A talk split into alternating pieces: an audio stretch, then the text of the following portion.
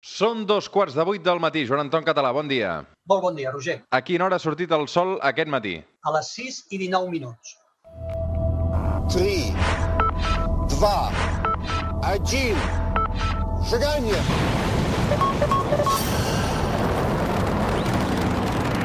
One small step for man, one giant leap for mankind. Això és la Terra es plana, aquest espai de ciència d'astronomia que fem cada diumenge a l'hora que surt el sol amb el màster en astronomia, astrofísic, químic quàntic, Joan Anton Català. Bon estiu, Joan Anton, Igualment, bon estiu, Roger. perquè això està acabat d'estrenar d'hores, eh? Sí, ha entrat aquesta matinada, a tres quarts de 12 de, de la matinada passada, doncs se'ns ha entrat a l'estiu.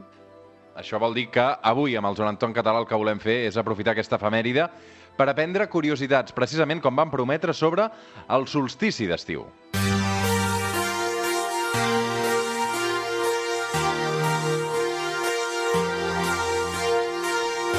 A veure, Joan Anton, fem un ABC, d'acord? Per principiants com jo. Uh, recordem breument per què hi ha estacions de l'any a la Terra.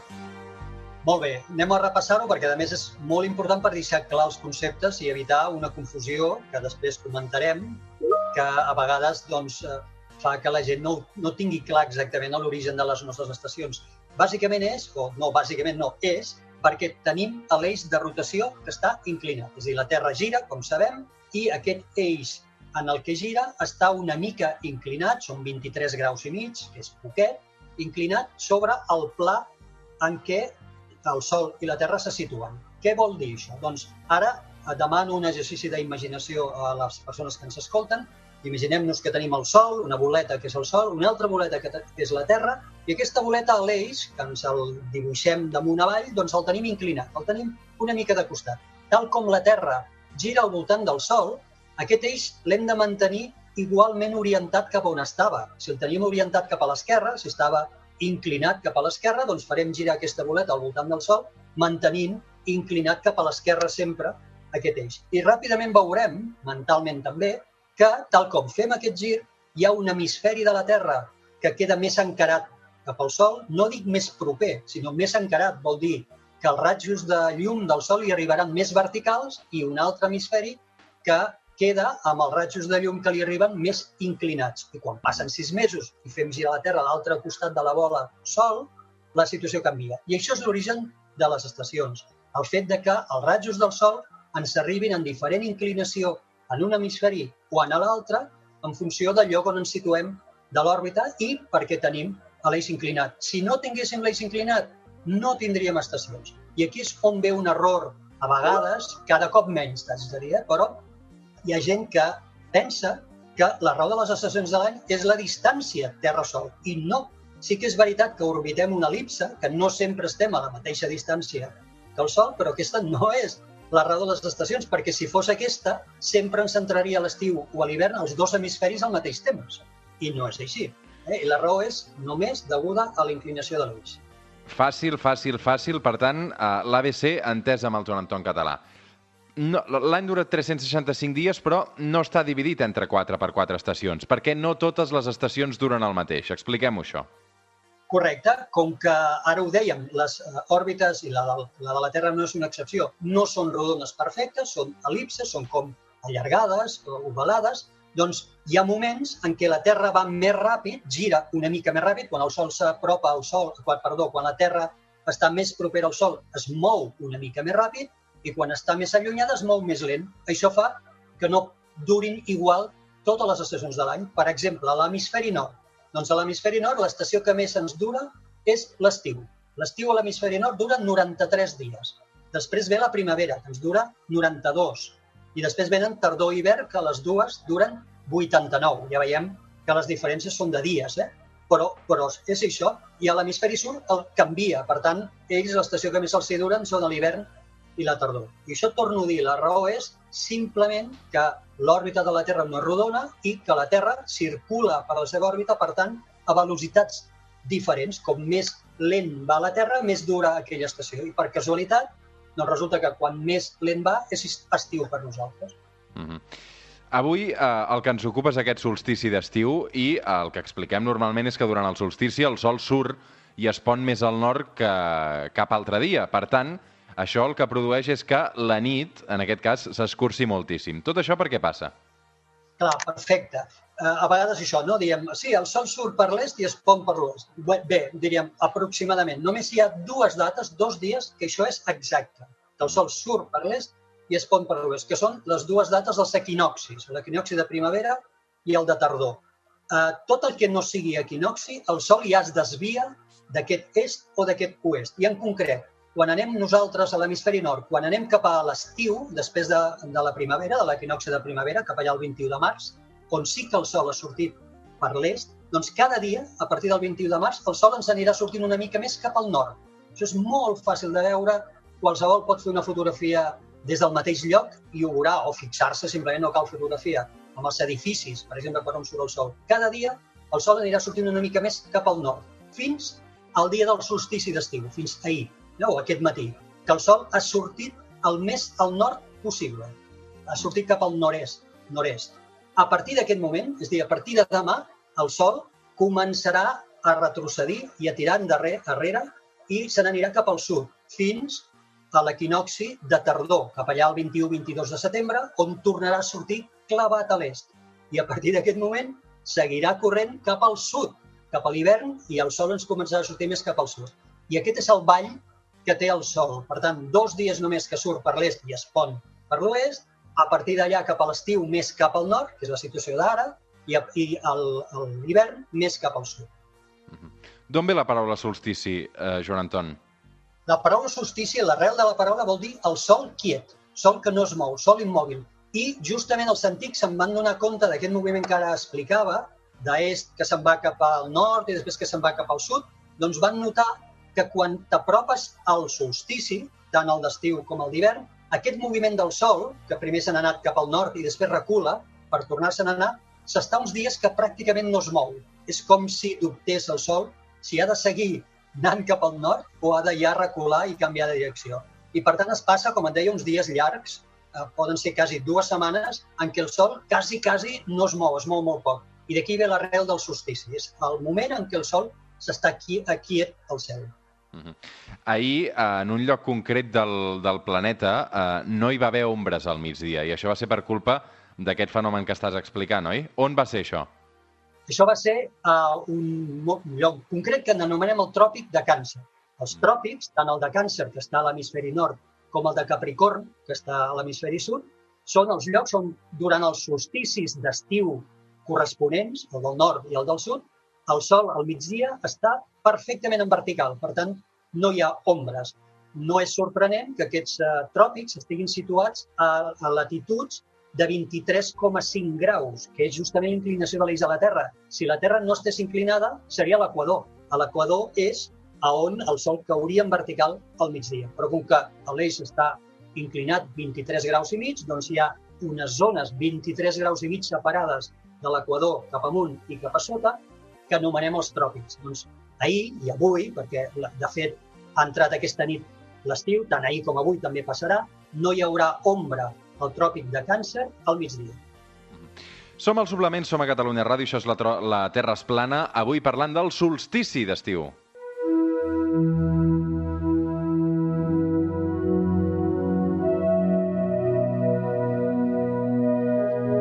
T'he sentit explicar alguna vegada, Joan Anton, que quan aquest fenomen passa, com aquesta matinada, eh, el Sol no es va amagar del tot en un punt molt concret de, de, de, de la Terra, i és el cercle polar àrtic. Eh?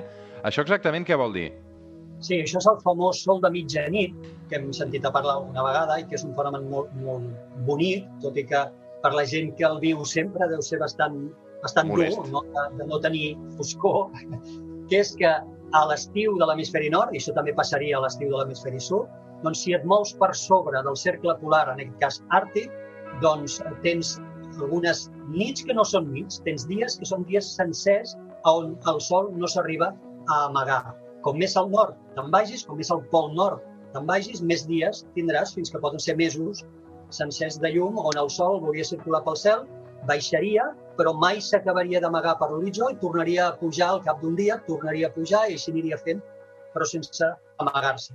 Llavors, això que és la teoria, que diríem, val, doncs és xula, no? Doncs mira, el cercle polar àrtic Doncs és una mica més complicada perquè l'atmosfera intervé, també té un efecte en tot això. I, per exemple, permet que aquest efecte del sol de mitjanit, és dir, un dia en què el, el sol no s'arribi a amagar mai, es pugui veure fins i tot per sota del cercle polar àrtic. Això és degut a que l'atmosfera ens fa com de, de una lent d'augment, com si fos, el nom és refracció, i ens fa veure el Sol per sobre de l'horitzó quan en veritat encara és per sota. Això és un efecte visual òptic, però és real. Eh? Veiem el Sol que ja ha sortit, però en canvi, si traguéssim l'atmosfera, ens n'adonaríem compte de que no ha sortit encara és per sota. Això fa que, per exemple, fins a Islàndia, que Islàndia només la part de dalt d'Islàndia queda dins del cercle polar, però la resta de la illa, que no està dins del cercle polar, doncs a tota Islàndia es pugui veure uh, aquest fenomen d'alguns dies del sol de mitjanit, a pesar, com et deia, de que no estan al cercle polar. Uh -huh. uh, una altra cosa curiosa és que ara ens trobem a prop del punt més llunyà del Sol, no? Sí, clar, això també despista, però és una prova més del que dèiem abans de que les estacions de l'any no tenen a veure amb la distància Terra-Sol. En aquesta elipse que dèiem que és l'òrbita de la Terra, on uns moments està més a prop del Sol i va més ràpida, i en altres està més allunyada, doncs en aquest moment ens estem apropant a la zona més allunyada, l'anomenem afeli, el lloc més allunyat del Sol. Això es produiria el 4 de juliol. 4 de juliol serà el moment en què la Terra es troba més allunyada del Sol i, per tant, va més a poc a poc. Si recordem alguna de les, una de les primeres preguntes que hem resolt, de les qüestions que hem resolt, que dèiem que no totes les estacions duraven el mateix i que al nord, l'hemisferi nord, la que més durava és l'estiu, ara ho entenem. Perquè l'estiu, de casualitat, és quan ens situem més lluny del Sol, que serà el 4 de juliol. Per tant, el Sol va molt més lent, l'estació de l'estiu ens dura més. Haig de dir per això que és un efecte absolutament casual. No té per què coincidir, eh? no té per què coincidir eh, a l'entrada del solstici, de fet no coincideix, eh? però no té per què coincidir que justament estiguem situats a l'estiu a la part més allunyada o a la part més propera. Són efectes absolutament casuals. Uh -huh. Joan Anton, això és molt important perquè ja ho vam avançar la setmana passada. A veure, aclarim-ho. Acostumem a dir que el solstici d'estiu és el dia més llarg de l'any. Això és així, no? Sí, correcte, totalment correcte. És el, ha estat aquesta nit última, doncs ha estat la nit més curta de l'any. Per tant, que no hi hagi confusió amb la nit de Sant Joan, um, i aquesta uh, s'acostuma a dir que és la nit més uh, curta de l'any i no és veritat, perquè és la del solstici que cau al voltant, no? Però no és ben bé la mateixa. Exacte. Diem, eh, molta gent diu Sant Joan perquè és una aproximació que ens va bé, com que hi ha la festivitat, doncs ens va bé, però estrictament parlant és la del solstici, per tant ha estat aquesta nit. Tot i això, t'haig de dir que hi ha, sí que hi ha una cosa que és sorprenent, que tot i ser la nit més curta de l'any, no coincideix, el dia del solstici no coincideix ni amb el dia en què el sol surt més d'hora, ni tampoc amb el dia en el que el sol es pon més tard. És curiosíssim. Hi ha altres dies, que ara et comentaré, en què el Sol, per exemple, aquest any, ho vaig calcular, doncs el Sol, el dia que va sortir més d'hora va ser l'11. El passat dia 11 de juny va ser quan el Sol va sortir més d'hora al matí. I el dia en el que el Sol es pondrà més tard serà demà, eh? 22 de juny. Què passa? Que tot i això, quan fas el càlcul del que dura el dia, es compensen, a l'efecte de sortir més d'hora i a l'efecte de pondre's més tard, es compensen i sí que resulta que el dia més llarg, és a dir, la nit més curta, és la del solstici.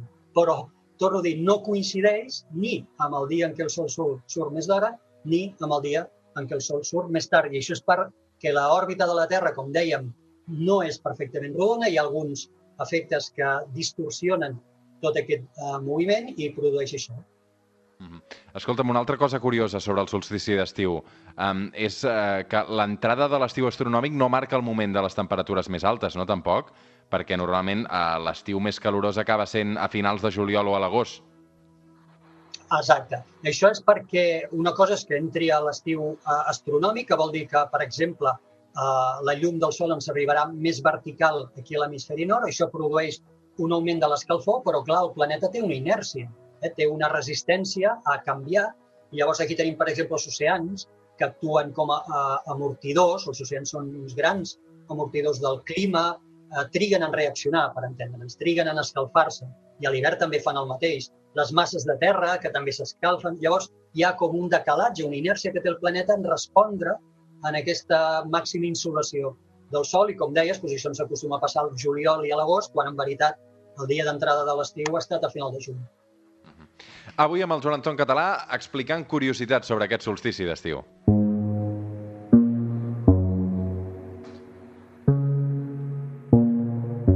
A veure, Joan Anton, avancem. Aquestes estacions de l'any uh, són essencials perquè a la Terra hi hagi vida, no? Sí, de fet, creiem que a la vida li encanten els canvis, sempre i quan no siguin canvis extrems, però li agraden els canvis. Això dona oportunitats, produeix nichos, diríem, d'evolució a moltes espècies que se n'aprofiten d'aquests canvis estacionals. I només cal que mirem això, quantes, quina quantitat d'espècies tenim en el planeta que treuen partit de canvis que hi ha a les estacions per comportar-se diferent o per uh, o per canviar uh, les fulles, etc. Torno a dir, uh, els canvis a la vida li agraden, però no extrems.